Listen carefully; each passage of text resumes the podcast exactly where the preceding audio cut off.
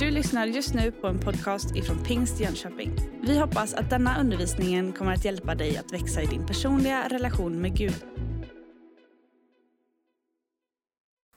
Hörrni, när jag inför den här predikan har funderat och bett och tänkt så blev det ganska naturligt för mig att fundera på tiden som jag varit i tjänst i församlingen.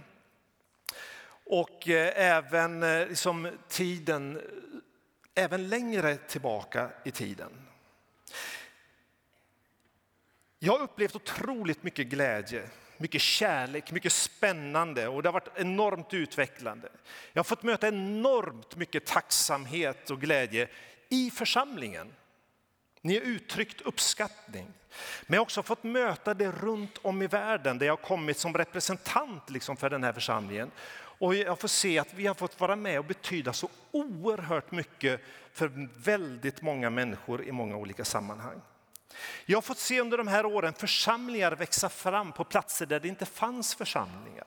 Jag har fått se evangeliet nå in i nya områden och sammanhang och länder där det inte fanns så tydligt innan. Men jag har också ofta ganska, känt en ganska stor otillräcklighet. Alltså jag hade velat göra mer. Jag hade velat kunna mätta fler, jag hade velat kunna nå fler. Jag hade velat kunna hjälpa fler, jag hade velat kunna ha mer tid för människor både här och där och min egen familj, min fru, mina barn. Och allt det här så har jag känt en otillräcklighet i väldigt många dagar. Jag har fått stå på den här plattformen och jag har fått förkunna Guds ord som jag har upplevt, ord som Gud har lagt på mitt hjärta. Och det har varit en stor förmån och en enorm nåd att få bara tänka sig, tänk att Gud vill använda mig på det sättet.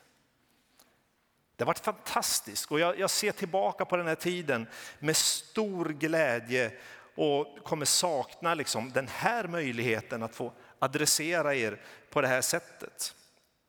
Men när jag tänker tillbaka ännu längre i tiden på mina 51 levnadsår, på allt jag varit med om, utav glädje och sorg, allt jag gått igenom liksom med bra och dåligt, så kunde jag sitta och koka ner allting egentligen till en enda slutsats och känsla. Och det är att Jesus har varit och är min trofaste vän. Och det känner jag att jag skulle vilja dela några tankar kring här idag. En enkel fråga till oss idag. När något händer, när något roligt händer i våra liv, när vi känner framgång, lycka och glädje, vem delar du det där med? Vem får vara del av den delen i ditt liv när du känner liksom att det är bra och du känner glädje och framgång? Vem är den vännen du delar det roliga med? Vem är vännen du delar när det är jobbigt? När du känner att du är frustrerad? Vem hjälper dig att bära liksom bördan, sorgen, ilskan? Vem är den vännen i ditt liv? Jesus han, han verkade tillsammans med sina lärjungar under ungefär tre år.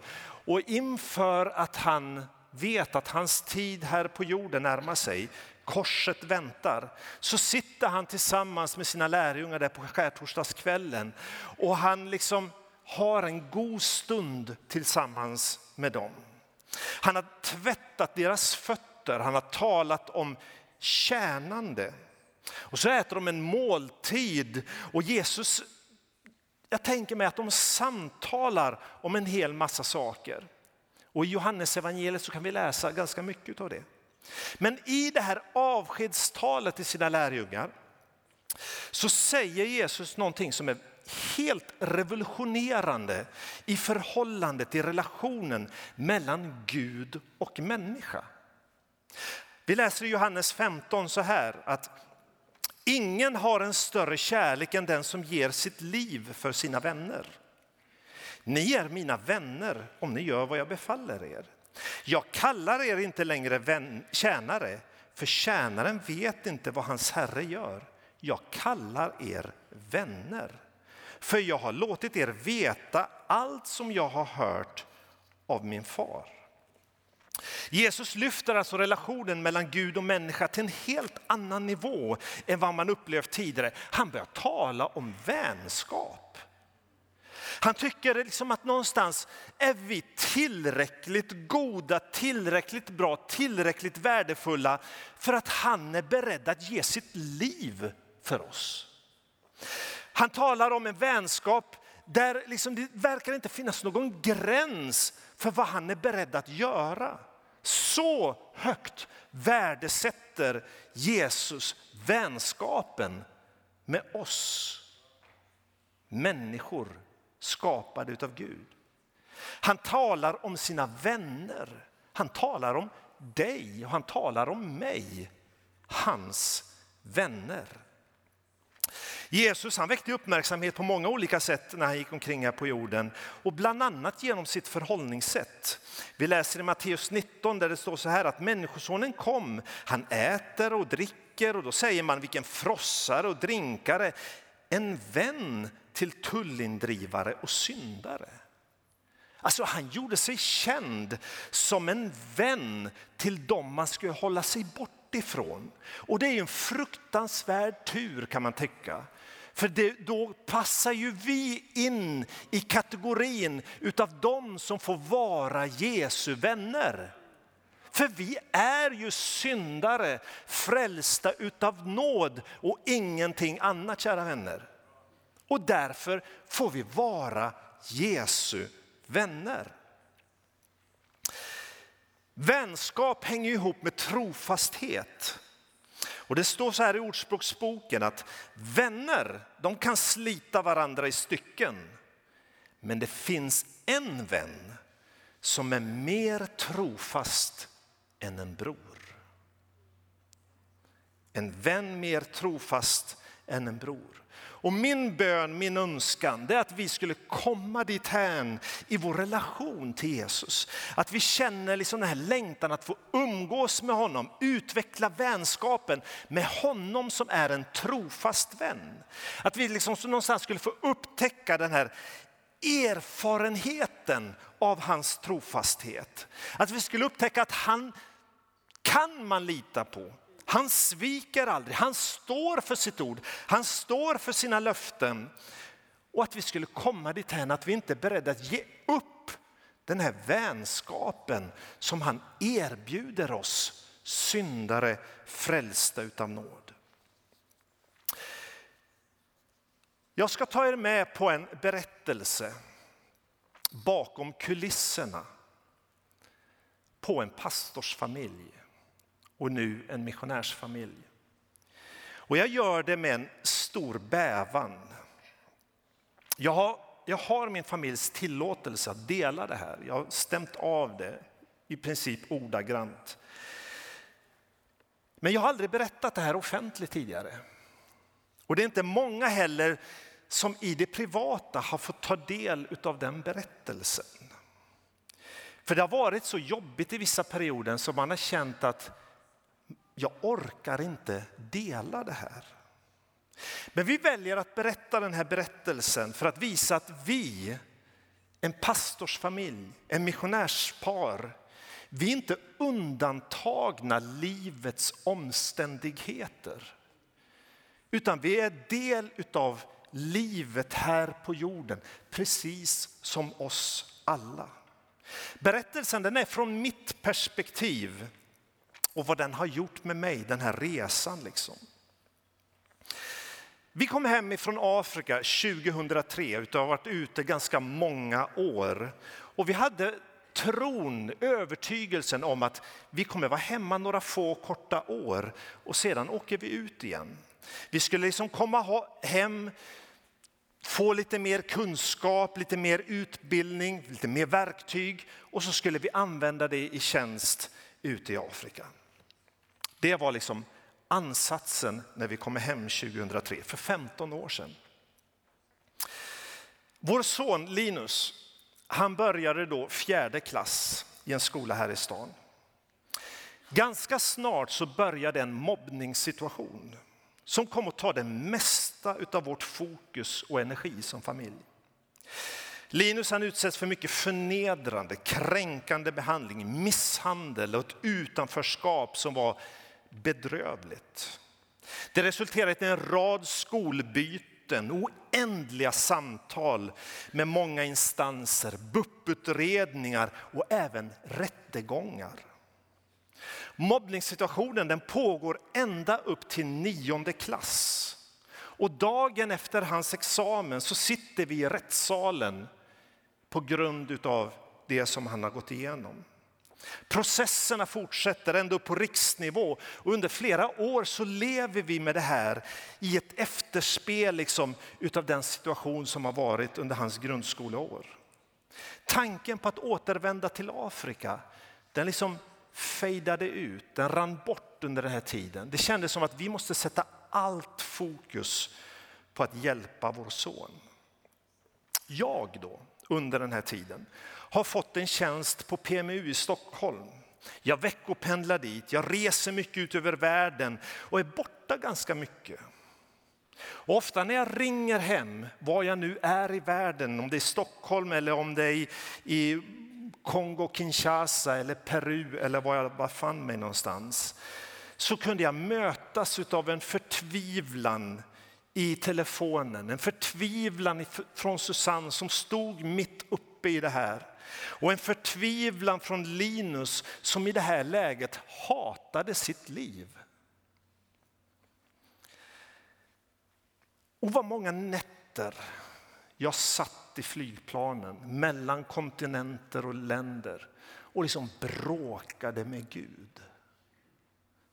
Och vad många böner jag bad på svenska, på swahili, på engelska. Tänkte Gud, du måste ändå inse att jag menar allvar med mina böner. Och vilken frustration det var att se sin son, den som man älskar mest, fara illa och inget verkade hjälpa utav det jag kunde göra. Under den här tiden så har vi också vår dotter Kajsa. Livfull tjej, full av energi, hoppar och studsar överallt och liksom bara lever. Liksom. Men plötsligt så blir hon blek. Plötsligt så liksom blir hon svag. Energin rinner ur henne på något sätt. Och vi blir ju oroliga som föräldrar och åker till sjukvården givetvis. Och man börjar en rad undersökningar och så kallar man på oss en dag och så säger man vi har hittat vad det är. Då har hon utvecklat en blodsjukdom som enligt läkarna är kronisk. Den kommer hon få leva med. Blodvärdena var jättedåliga och risken att hon skulle börja självblöda invärtes var jättestor. Hon var tvungen att vara extremt försiktig eftersom en skada skulle kunna göra att hon kunde förblöda. Hon behövde ta blodprover varenda vecka och anpassa sitt liv efter den nya verkligheten som rådde i hennes kropp. Hon kunde åka med på läger, men när de andra åkte upp i skidbacken då fick hon vara kvar med kökspersonalen eller sitta och pyssla i något rum någonstans. Det var många frågor det snurrade i huvudet? Vilken frustration man kände. Vilken sorg, vilken ilska. Vilken orättvisa kände jag fanns i hela den här situationen. Den, min dotter, henne som jag liksom älskar mest, far illa och det finns liksom inget som jag kan göra. Linus kom ju upp i tonåren. Och i gymnasiet så började han söka sina vägar. Vägar som vi som föräldrar inte alltid är så glada över. Vi hade haft en nära relation, jag och Linus. Han hade ringt mig varenda dag, var jag än var i världen. Vi pratade med varandra. Det där började ebba ut och jag upplever hur vi kommer ifrån varandra. Jag upplever att han undviker mig. Och jag känner en ilska inom mig över hela den här situationen. Och jag känner en skam över att misslyckas som förälder. Och som föräldrar, Susanne och jag, så hamnar vi i situationer som vi aldrig någonsin trodde att vi skulle vara i. Känslorna väller fram. Vi känner oss misslyckade, värdelösa. Vi är inte trovärdiga, vi är otillräckliga. Här jobbar jag som pastor i en församling.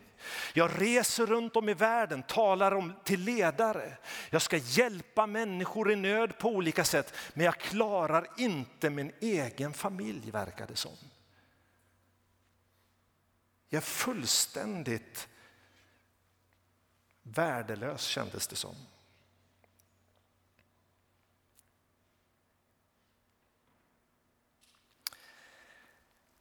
Kajsa är dålig. Linus håller vi på att förlora. Och Susanne håller på att gå sönder liksom utav allt det här. Jag känner mig maktlös, jag känner mig uppgiven. Och jag börjar någonstans liksom fundera, vad hände med min tro? Vad hände med min gudsrelation? Vem är Jesus i allt det här? Tvivel börjar komma in.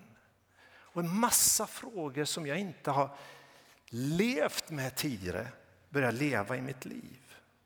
Men så upptäcker jag någonting. Jag upptäcker att mina böner, för jag bad, jag upptäcker att mina böner går liksom ifrån tack gode Gud för maten och välsigna den här dagen till att bli något annat. Jag upptäcker att jag, jag brottas med Gud. Jag upptäcker att jag är arg på Gud. Jag upptäcker att jag gråter inför Gud. Jag upptäcker att jag vräker ur mig både det ena och det andra inför honom. Jag upptäcker att jag läser Bibeln kanske mer än någonsin, men jag älskar salmerna där de bråkar med Gud. När man uttrycker sin ilska, sorg, tvivel och frustration. Där är jag liksom i min bibelläsning. Men så upptäcker jag att den här ganska vardagliga relationen jag haft med Jesus någonstans fördjupas i det här som händer. Det blir liksom en djup vänskapsrelation som inte bygger liksom på min ytliga vältalighet eller min fasad utan som bygger på en ömsesidig ärlighet i relationen. Jag säger, jag delar med mig, jag tänker, jag vräker ur mig det jag känner, det jag upplever. Och det är som att han svarar ungefär på samma sätt. Han börjar tala in i mitt liv och jag gör insikter som får vara med och påverka mitt liv och mina beslut.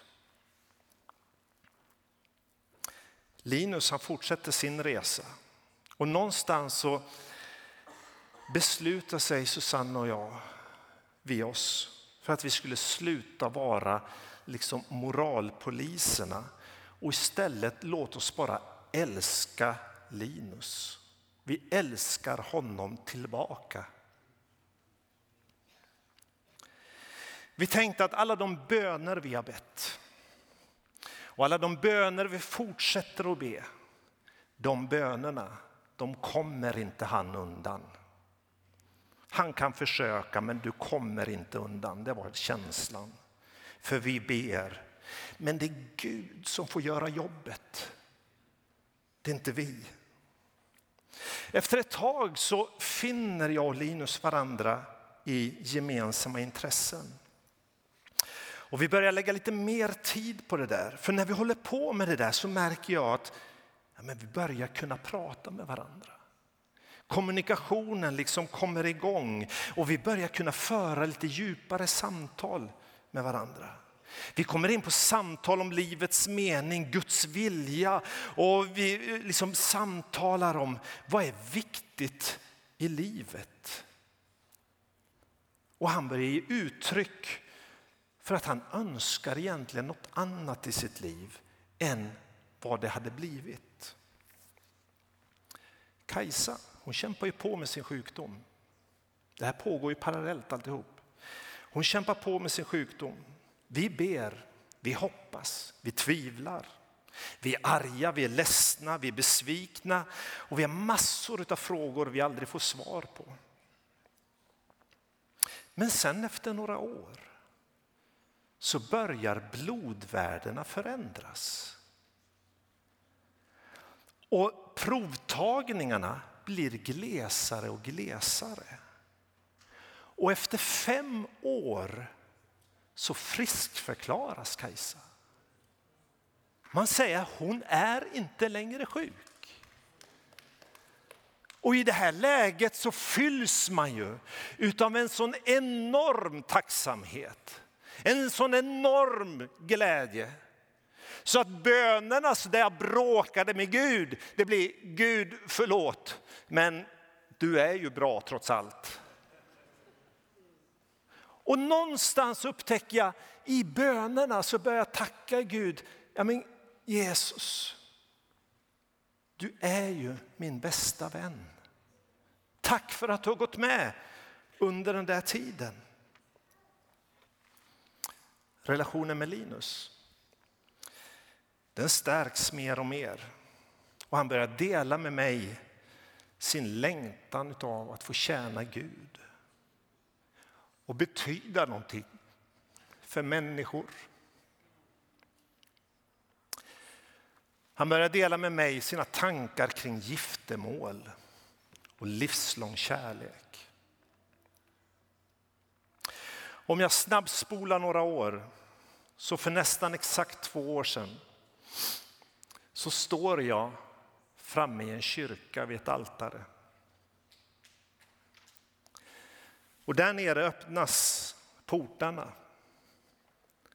Och in kommer Linus och hans Ellen.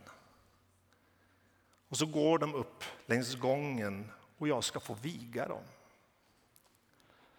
Och när de går där så spelar ju alla de här åren upp sig i en revy i mitt inre. Och det brister ju för mig. Men jag säger tyst för mig själv där. Jesus, tack. Du är ju min bästa vän. Du har hjälpt mig genom den här tiden.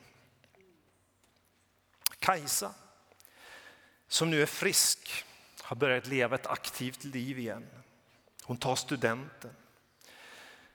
Om jag snabbspolar också där några år i hennes liv, så idag den 27 maj för ett år sedan så står jag framme i en kyrka. Portarna öppnas. In kommer Kajsa och hennes Daniel. Och jag ska få viga dem. Och återigen så börjar ju den här filmen snurra i mitt huvud. Var vi hade varit, vad som vi hade gått igenom, allt det där. Och så säger jag bara tyst för mig själv, tack Jesus. Du är ju min bästa vän. Du är trofast. Under alla de här åren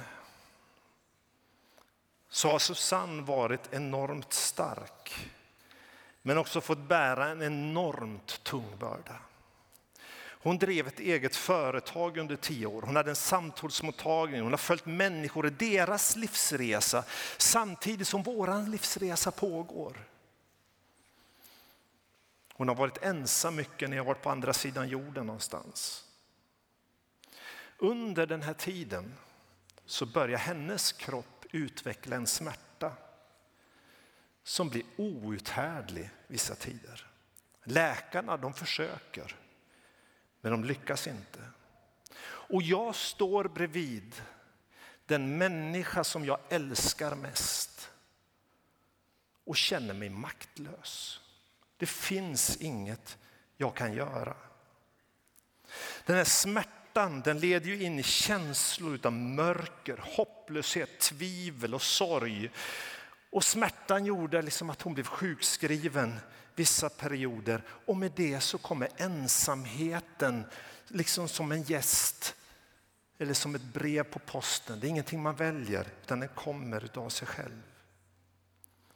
I allt det här, maktlöshet, otillräcklighet, uppgivenhet och jag vet inte vad jag ska ta mig till. Under de här åren så är det som att Gud har bestämt sig för någonting som jag inte har fattat förrän nu egentligen. Och det är att han varje morgon har väckt mig klockan fem. Jag trodde att jag var en morgonpigg människa bara. Men jag upptäcker liksom att det spelar ingen roll när jag lägger mig. Hur sent det än är, vilken tidszon jag än är i. Så klockan fem på morgonen, då vaknar jag. Och då går jag upp och sätter på en kopp kaffe. Och jag satt mig med min bibel och min bibelläsningsplan. Och så har jag läst och så har jag noterat lite tankar som kommer. Och sen pratar jag med Jesus. Och så berättar jag hur jag har det, hur jag känner, hur jag mår och hur jag önskar att det vore. Och någonstans under de här åren på morgonkvisten så har jag haft min tid med min vän som har lyssnat på mig, som har förstått mig, som har begripit vad det är som pågår i mitt liv i den här situationen.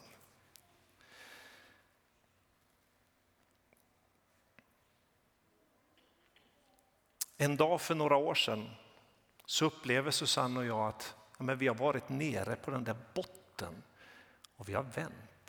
Det börjar gå upp för igen. Det börjar liksom att ljusna någonstans. Smärtan går att hantera. Det börjar ljusna, drömmarna börjar komma tillbaka. Och en dag så kommer Susanne och så säger hon så här, jag tror att det är dags att vi börjar fundera på den där kallelsen som vi bär. På det där uppdraget som fortfarande finns kvar i Afrika för oss. Det där hade inte levt i vårt gemensamma liv under väldigt många år. Det hade levt i min tanke som en längtan, men som var omöjlig någonstans. Men så väcker hon den tanken. Och jag vågar ju knappt tro att det här är sant. Jag vågar ju knappt liksom ta in det och liksom göra någonting med det. Men så upptäcker jag liksom någonstans att med den drömmarna, med ljuset liksom som kommer tillbaka på något sätt in i tillvaron, så kommer också skrattet. Och ni som har hört Susanne skratta, ni vet vilket skratt jag talar om. Det liksom börjar höras hemma i vårt hem igen. Och jag vet liksom att någonstans, ja men det har hänt någonting, det sker någonting. Det är inte mörkt längre. Och så fylls jag av en sån tacksamhet till Gud. Och jag upptäcker att mina samtal, min bråk med Gud, där jag liksom varit frustrerad, ilsken, arg, brottats med honom. Det går över till ett annan typ av samtal där jag liksom bara tackar honom för hans godhet. För hans nåd, för hans hjälp, för hans omsorg. Och jag upptäcker att jag tackar honom för hans vänskap i hela den här situationen som har hjälpt mig genom den här svåra tiden. För han är min trofaste vän. Jag lär mig någonting om bön under de här åren. Jag upptäcker att bön är kanske inte vad jag har tänkt tidigare. Bön är inte en prestation. Bön är inte en presentation utav en önskelista. Utan bön är en relation med min vän.